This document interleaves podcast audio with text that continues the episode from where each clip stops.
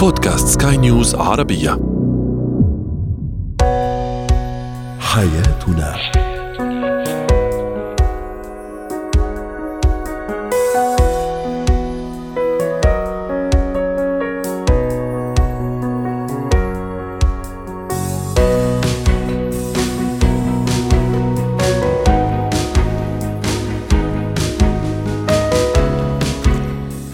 مستمعينا الكرام أهلا بكم معنا إلى حياتنا فضاؤكم اليومي الذي يعنى بشؤون الأسرة وباقي الشؤون الحياتية الأخرى والذي يمكنكم الاستماع إليه عبر منصة Sky News Arabia dot com slash podcast وباقي منصات سكاي نيوز عربيه الأخرى. شاركونا عبر رقم الواتساب 00971 ثمانية ثمانية ستة اثنان اثنان ثلاثة. معي أنا ابتسام العكريمي. اليوم نتحدث عن كيفية التخلص من الجوع المستمر في مكان العمل دون زيادة الوزن، كيف نؤدب الطفل بطريقة سليمة؟ إذا أخطأ والألوان المناسبة لفصل الصيف في اللباس والمكياج.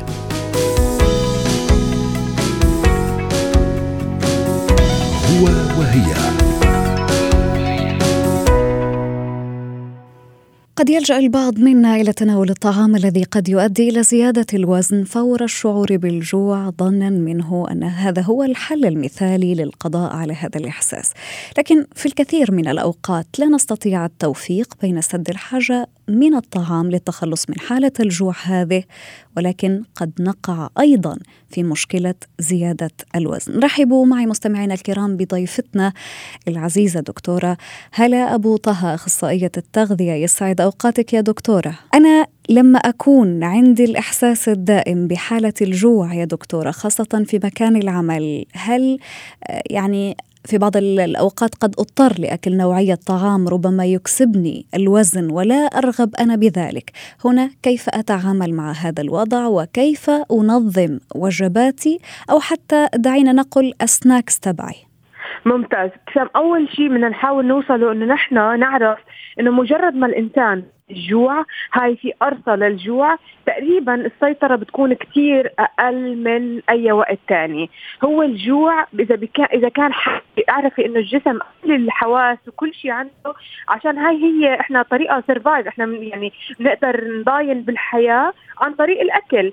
صحيح. كل شيء نعم. مجرد ما الشخص وصل لكم انه هو فعلا جوعان إحنا حنقلل كثير فرصة إنه نقدر نسيطر وحناكل أكثر وحن... وناخذ يعني هو أحيانا أحيانا يا دكتورة البعض منا يعني قد لا يحسب آه، السعرات الحرارية اللي ممكن إن ناكلها مثلا في snacks أو حتى في وجبة يا ستي خلينا آه، نقول البعض منا قد يشتهي الأكلات الثقيلة ربما قد يطلبها اونلاين آه، في مكان العمل أو حتى في أي مكان آخر. هنا يعني نحن لا نفكر كثيرا في آه، ما بعد الأكل. دعيني أقول ولكن أفكر في سد الحاجة من هذا الجوع لعدم الشعور بهذا الإحساس. هل صحيح يا دكتورة إنه هناك ما يسمى بالشعور الوهمي بالجوع أو الجوع العاطفي؟ آه، دعينا نقول. التلبية موجود. هلأ في نقطة كثير مهمة يعني نعرفها كلنا إنه واحدة من أشياء الجوع واحدة هو أو الأكل هو ريوردنج آه، أو هو مكافأة بالنسبة لنا للشخص. هو الأكل بيوصل للدماغ بطريقة إنه هو هاي مكافأة له فأنت إذا في شخص يعني زعلان تعبان معصب مش نايم كويس فالجسم فالمخ على طول بيلجأ للجوع الزيادة أو الجوع العاطفي عشان يعطي مكافأة أكبر. فواحدة من الأشياء اللي ممكن نعملها سواء كان بالعمل سواء كان إذا كان ست البيت ست البيت اللي بتشتغل 24 ساعة في بيتها فهي هاي وظيفة إلها. أي وقت عشان نقدر نخلي الجوع مسيطر عليه هو التخطيط يعني. وكثير مهم إنه الشخص يقدر يخطط التفكير يعني التفكير المستمر. تفكير بالضبط. عشان ما يوقع بفخ اللي هي إنه أنا جوعان بقدر آكل أي شيء حيزيد لي وزني خلص فواحدة من الأشياء سواء كانت في البيت سواء كانت الشغل كثير كثير مهم التخطيط لوجبات. خلينا نكون واضحين. طيب ماذا نأكل يا دكتورة؟ هل أكل مثلا أكل صحي حبة فاكهة مثلا أم لا أستجيب ابدا لهذا الشعور؟ لا بالعكس أكيد. هلأ إحنا طول ما إحنا جوعنا الفيزيائي اللي هي حاجة الجسم هي مغطية بثلاث وجبات رئيسية وجبتين صغار بيناتهم أكثر شيء أربع ساعات. إحنا يعني هيك حنقدر نسيطر على الجوع العاطفي أكثر. إذا نحن أخذنا مثلا فطورنا وغدانا وعشانا هدول كانوا لازم لازم لازم المستمعين ينتبهوا هي تكون وجبات متوازنة لأنه بدنا الكربوهيدرات يرفع السكر بدنا البروتين يعطينا الشبع. فلازم يكونوا وجبات متوازنة. صعب تحكي الواحد ياخذ آه وجبات قليلة النشويات ويقول أنا ما بدي اشتهي السكر. لا أكيد رح تشتهي السكر. فعشان هيك وحدة من الأشياء المهمة كثير لازم يكونوا الوجبات متوازنة. ولازم كمان نقدر ناخذ أشياء نحن بنحبها. يعني مثل الحلويات مثل بس طالما هي كانت بكميه بكمية دقيقة يعني. مضبوط بكمية بسيطة. طيب البعض البعض يا دكتور اعذريني فقط اسمحي لي اعذريني على المقاطعة. البعض يقول لك أنا أشرب القهوة أو الشاي الأخضر. البعض الآخر يقول لك أنا ما أتحمل الشعور بالتوتر اللي بينجم من حالة الجوع ولازم آكل عشان يروح. هل مر عليكي هيك حالات يا دكتورة؟ طبعا خلينا نكون متفقين. هلأ في في اضطراب طعام اسمه اضطراب الشراهة. هذا هو اضطراب نفسي. هذا هو الشخص بيكون قاعد عم بيأكل لأسباب نفسية. هذا اضطراب الطعام اضطراب الشراهة أو هو بالإنجليزي binge eating disorder لازم يكون حله علاج نفسي يعني عشان يضبط العلاقة مع الطعام نعم. في في أسباب ثانية ممكن تكون اللي هو بالضبط هذه الكلمة سامح حكيتيها أنت مضبوطة توتر من الجوع هذا بيكون بسبب إنه الجسم خلص يعني استنفذ كل الطاقة اللي عنده وبيقول لك كل تحتاج طعام لكن هنا يا دكتورة هل فعليا هل فعليا يعني ودعينا نقل جسديا هل فعلا تنفذ هذه الطاقة أم أنه هذا مجرد شعور قد لا يكون صحيح؟ هلا نحن عشان هيك بنقدر نميز الجوع الحقيقي من الجوع العاطفي، الجوع الحقيقي بيكون بيطلع من المعدة، بتحس إنه في حركة في المعدة، جوع من المعدة، قرصة من المعدة، هذا الجوع حتى لو أنت عملت أي شيء رح يضله هذا أو يلتهي الشخص رح يضله موجود موجود بالعقل. هذا هو جوع حقيقي. الجوع العاطفي عادة خلينا نكون نركز على النقطة. بنحس فيه بالفم بالفم أكثر من ما بنحس فيه بالمعدة بالتفكير أيضا. يعني قد أيوة. أكون أفكر أنا أريد أن آكل أريد أن آكل. صحيح دكتورة؟ بالضبط. مزبوط. ف 80% من جوعنا العاطفي هو عطش. خلي الأشخاص يكونوا منتبهين. ففي اللحظة اللي إحنا بنكون عارفين إحنا أكلنا قبل ساعة. هذا مش جوع حقيقي. أنا ممكن أول شيء أتصرف فيه اني أروح أشرب كاسة مي لأنه على الأغلب هذا عطش. ثاني شيء لازم أرجع ألتهي أو أعمل distraction ألتهي ألهي جسمي أو مخي بشيء ثاني يخليني عندي نفس المكافأة اللي بيعطيني إياها الأكل. وخلينا نحكي مثلا بطريقة ثانية. في أشخاص إذا حطوا موسيقى عاليه بدينيهم فهم انبسطوا خلص ارتاحوا. في أشخاص إذا بيحكوا مع الأهل بيحكوا مع أصحابهم بيرتاحوا. فنحن محتاجين ناخذ بديل لهذا الطعام. الغلطة وين بتصير؟ إنه نحن بنحط مثلا قدامنا الكيك والكوكيز والشوكولاتة وبنقول لا لا ما بدنا ناكل لا ما بدنا ناكل. صعب. هذه في عندك رغبة أنت بدك تنفذها. عشان ما تقدر تاكل لازم نرجع لخطوات. أول وحدة منهم نشرب مي ثاني وحدة نبعد عن الأكل قدامنا ثالث شيء إنه لازم نعمل نقوم بعمل يلهي الجسم عن التفكير بالجوع العاطفي ونقدر مجرد هي رغبة. نعم. بدي أحكي لكل المستمعين عن طريقكم إنه كل الرغبات بتروح. هي مجرد إنها كانت الشخص قدر يلهي حاله ل 30 دقيقة هاي الرغبة بتروح. ما بدنا نستسلم على طول لهاي الرغبة. مجرد فكرة عابرة يعني لابد إنك تتحكم فيها أنت في حد ذاتك بينك وبين عقلك. شكرا لك يا دكتور على كل هذه النصائح الهامة. كنت معنا أخصائية التغذية دكتورة هلا أبو طه ويعطيك ألف عافية. زينة الحياة. يتسرع الابوان أحيانا في عقاب الطفل أو يقومان بتضخيم أمور صغيرة ويقللان من حجم أمور تحتاج إلى الاهتمام. هي أخطاء التربية الشائعة التي يحتاج الآباء في كثير من الأحيان ليد العون كي يتعرفوا على طريقة التعامل الصحيحة مع خطأ الطفل وتحديد العقاب. كذلك. طرحنا سؤالنا التفاعلي مستمعينا الكرام حول هذا الموضوع. كيف تؤدب طفلك بطريقة سليمة إذا أخطأ؟ أرحب معي الآن بالأخصائية النفسية والتربوية دكتورة ندى شاهين. يسعد يومك يا دكتورة. السلام عليكم. أهلا وسهلا بك. إذا يا دكتورة هذا هو سؤالنا التفاعلي وتعليقات كثيرة وصلتنا على منصة سكاي نيوز عربية. تعليق يقول أنا أنتظر أسمع السبب يلي خلاه يغلط وبعدين أقرر نوعية العقاب. تعليق آخر يقول هو الواحد حيعاقب إيه ولا إيه؟ نحن خلص ما عاد فينا حيل. تعليق يقول أنا أحرمه من الألعاب الإلكترونية يلي بحبها لمدة أسبوع عشان ما في طريقة ثانية. أهلا وسهلا فيك يا دكتورة مرة ثانية. التعليقات مختلفة باختلاف طريقة التفكير لكل حد منا. هل من الصحيح أننا نفكر في نوعية العقاب قبل ما نسمع وجهة نظر الطفل لأنه أكيد عنده سبب. نعم. خليني أتفق معك إن مفيش حد في الدنيا ما بيغلطش سواء كان أطفال و...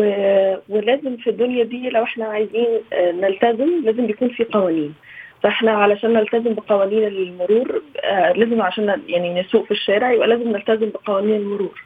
فنفس الكلام في البيت. في كتير أطفال ما بيعرفوش الأخطاء أصلا ما بيعرفوش إيه الصح وإيه الغلط.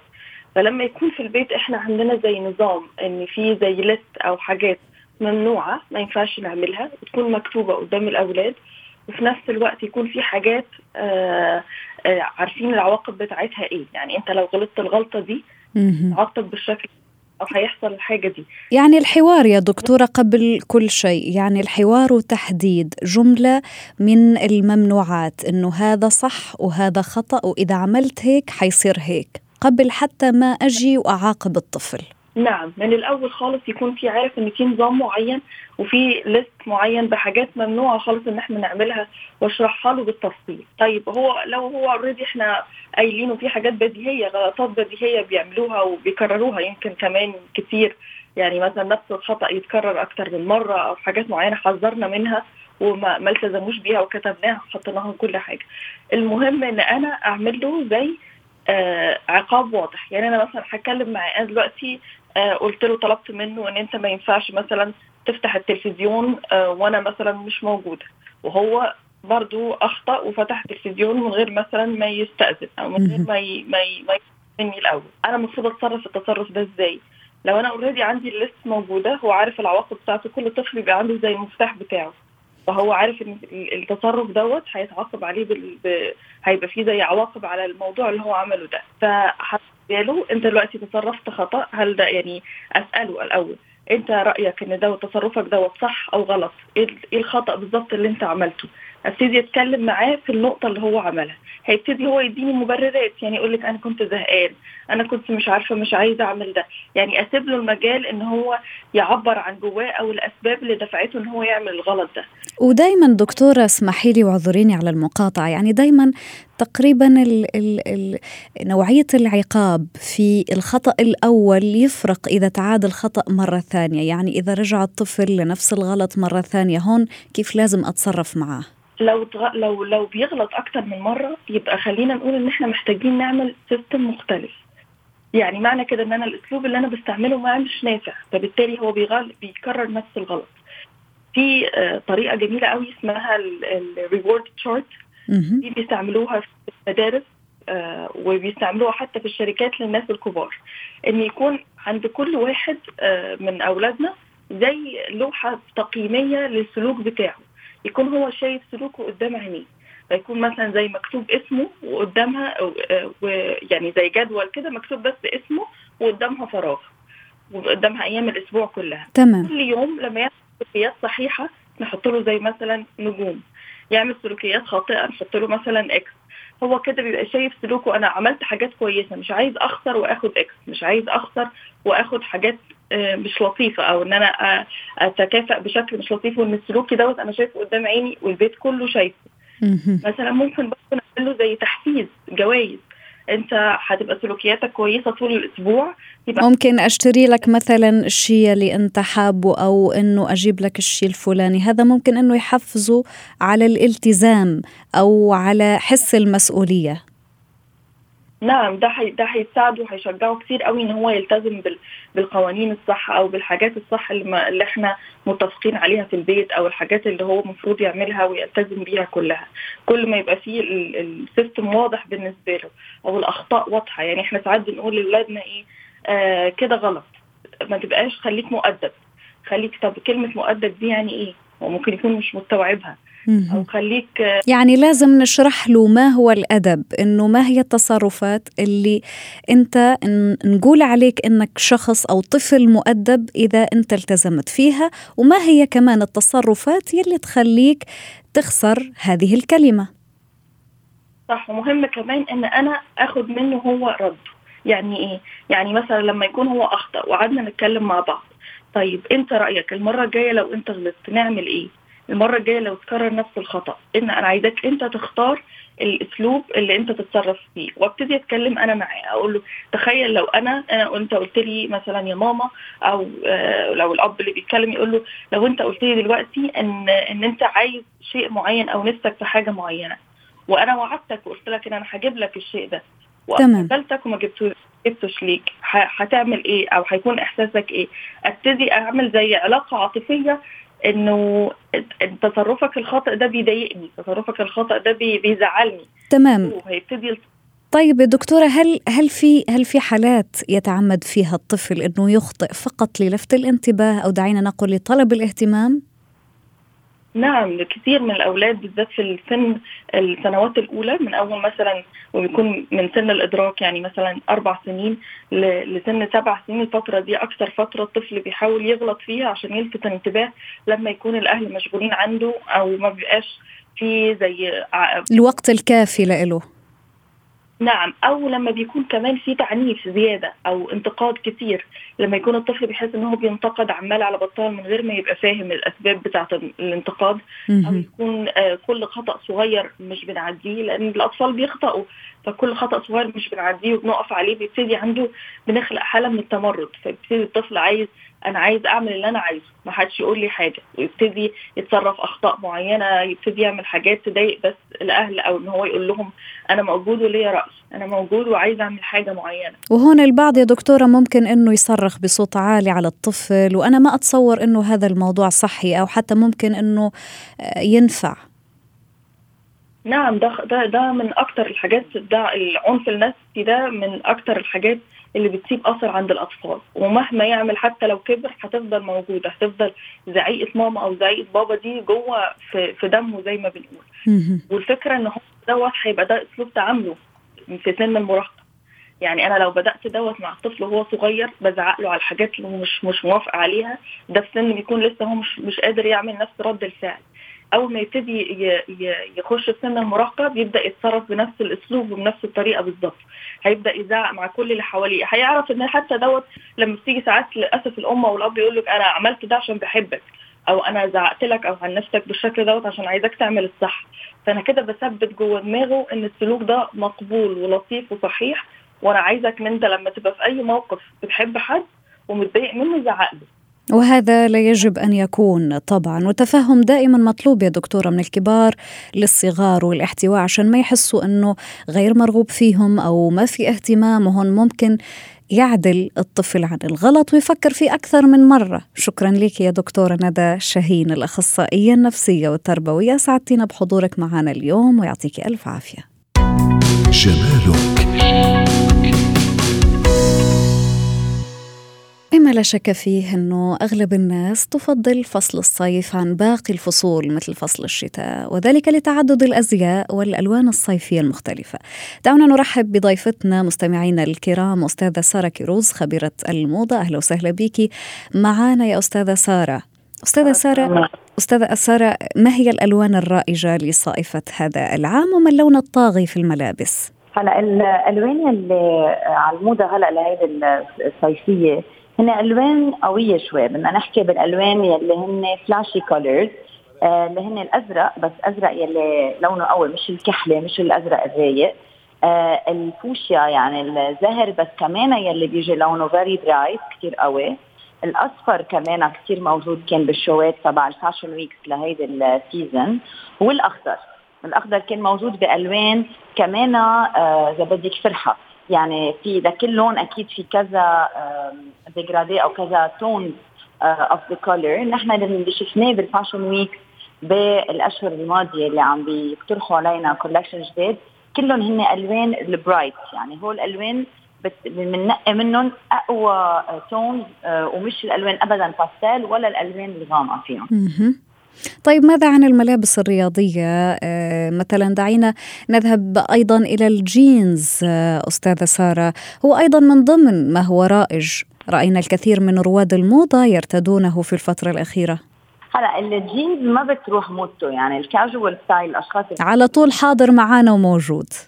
دائما موجود وفينا نكون عم نلبسه بكذا طريقة. يعني العالم فيها تلبس جينز مع T-shirt و sneakers آه تتروح على غدا بالنهار مثل ما فيها تلبس جينز مع stiletto كعب آه قميص آه مرتبة nice necklace بصير ال look بيزبط لعشاء والجينز أيضا حتى بيتلبس على أكثر أكثر نوعيه حذاء. يعني فيك تلبسه على الأحذية الرياضية فيك تلبسه على الأحذية الرسمية. صحيح أستاذة سارة؟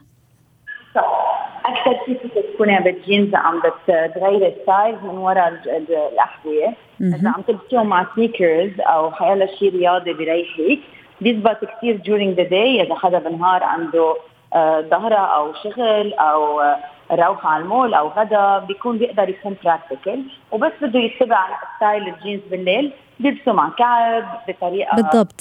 fresh هلأ بالصيفيه فيهن يلبسوا sandal الكعب بس اللي بيجي straps مفتوح. بألوان قوية مثل اللي عم نحكي عنهم. يعني إذا لبسنا stiletto من لون من ال summer collection اللي هو let's say أخضر مع جينز ومن فوق فيها تكون قميص بيضاء فاتحين لها بس هيك زرين تيبين ال necklace necklace حلو كبير يعني عقد كبير مع آه آه مع الإسوارة مثلا أو هيك ال details بيخلوا ال look يتغير من casual style لل chic style اللي بينلبس بالليل أكثر. تمام. طيب نتحول للمكياج. رسمة العين أو الآيلاينر على ما يبدو أنه حاضر وبقوة بجميع أشكاله هذا الصيف. هيدا الصيفية بالميك أب في كثير أفكار جديدة. يعني رجعت موضة أنه تحطوا مثل style ال strass تحت العين ب shapes معينة وألوان معينة بكثير fashion shows شفنا هيدا ال style. شفنا ال blush يلي عم يتبع بس محطوط مش بس على الخدود كمان عم نجي نستعمل ستان ال blush على العيون مش eye shadow كمان ال blush اللي هو أقوى كثير لونه. عم بيشتغلوا عليه إنه يكون blush قوي على الخدود وبيزيدوه فوق ال eye shadow كمان على العيون. تمام. مثل الايلاينر عم نشوف ايلاينر اللي بيجي statement يعني إذا بده يكون أسود بيكون آه تخين وواضح كثير مش ايلاينر رفيع. وإذا بده يكون ملون الموضة بالايلاينر هلأ نيون يعني الألوان اللي كثير قوية بالأزرق والأخضر بس يلي بتحسي إنه عم بيدوب style ال neon بال eyeliner هلأ في ناس كمان بال fashion shows تبعها designers عملوا كذا stripe يعني كذا خط وكل خط من آه، لون معين تبعه. الكل أيضا يميل إلى ال look الطبيعي هذه الصائفة يعني ترند الرموش. هلا ما عاد في إقبال كبير عليه عشان في من يتمسك بالظهور بشكل يلامس الطبيعة أكثر. هلأ كرمال آه، كرمال الرموش هيدا بتصير على كل style شخص لأنه بال fashion weeks بعدهم إذا بيزيدوا رموش بيكون تيعملوه artistic مش تيعملوه تينلبس كل يوم. يعني في يكونوا عم يعملوا metallic رموش اللون البرونز أو الذهبي أو ال silver تيعملوا statement لأن بتعرفي ال fashion week بس نشوف نحن الموضة ما بيكون مثل ما هي ذاتها بتنلبس بالحياة. بالضبط. بيعملوها extreme بس يلفتوا الأنظار على ثيم معين. آه تركيب رموش منه إذا بدك شيء آه وين إنه عم بيحمسوا العالم يرجعوا يتبعوا إنه يركبوا رموش أكثر عم بيكونوا صوب الألوان. ألوان ال eye shadow يكون أزرق أو آي ألوان الأيلاينر يكون ملون. حتى ال lipstick رجع كثير على الموضة الأحمر آه للشفاف. تمام. سو عم يتبعوا ألوان قوية أكثر من إنه يتبعوا تركيب رموش كموضة عن جديد. واضح. شكرا لك يا أستاذة سارة كيروز خبيرة الموضة. أسعدتينا بحضورك معنا اليوم ويعطيك ألف عافية.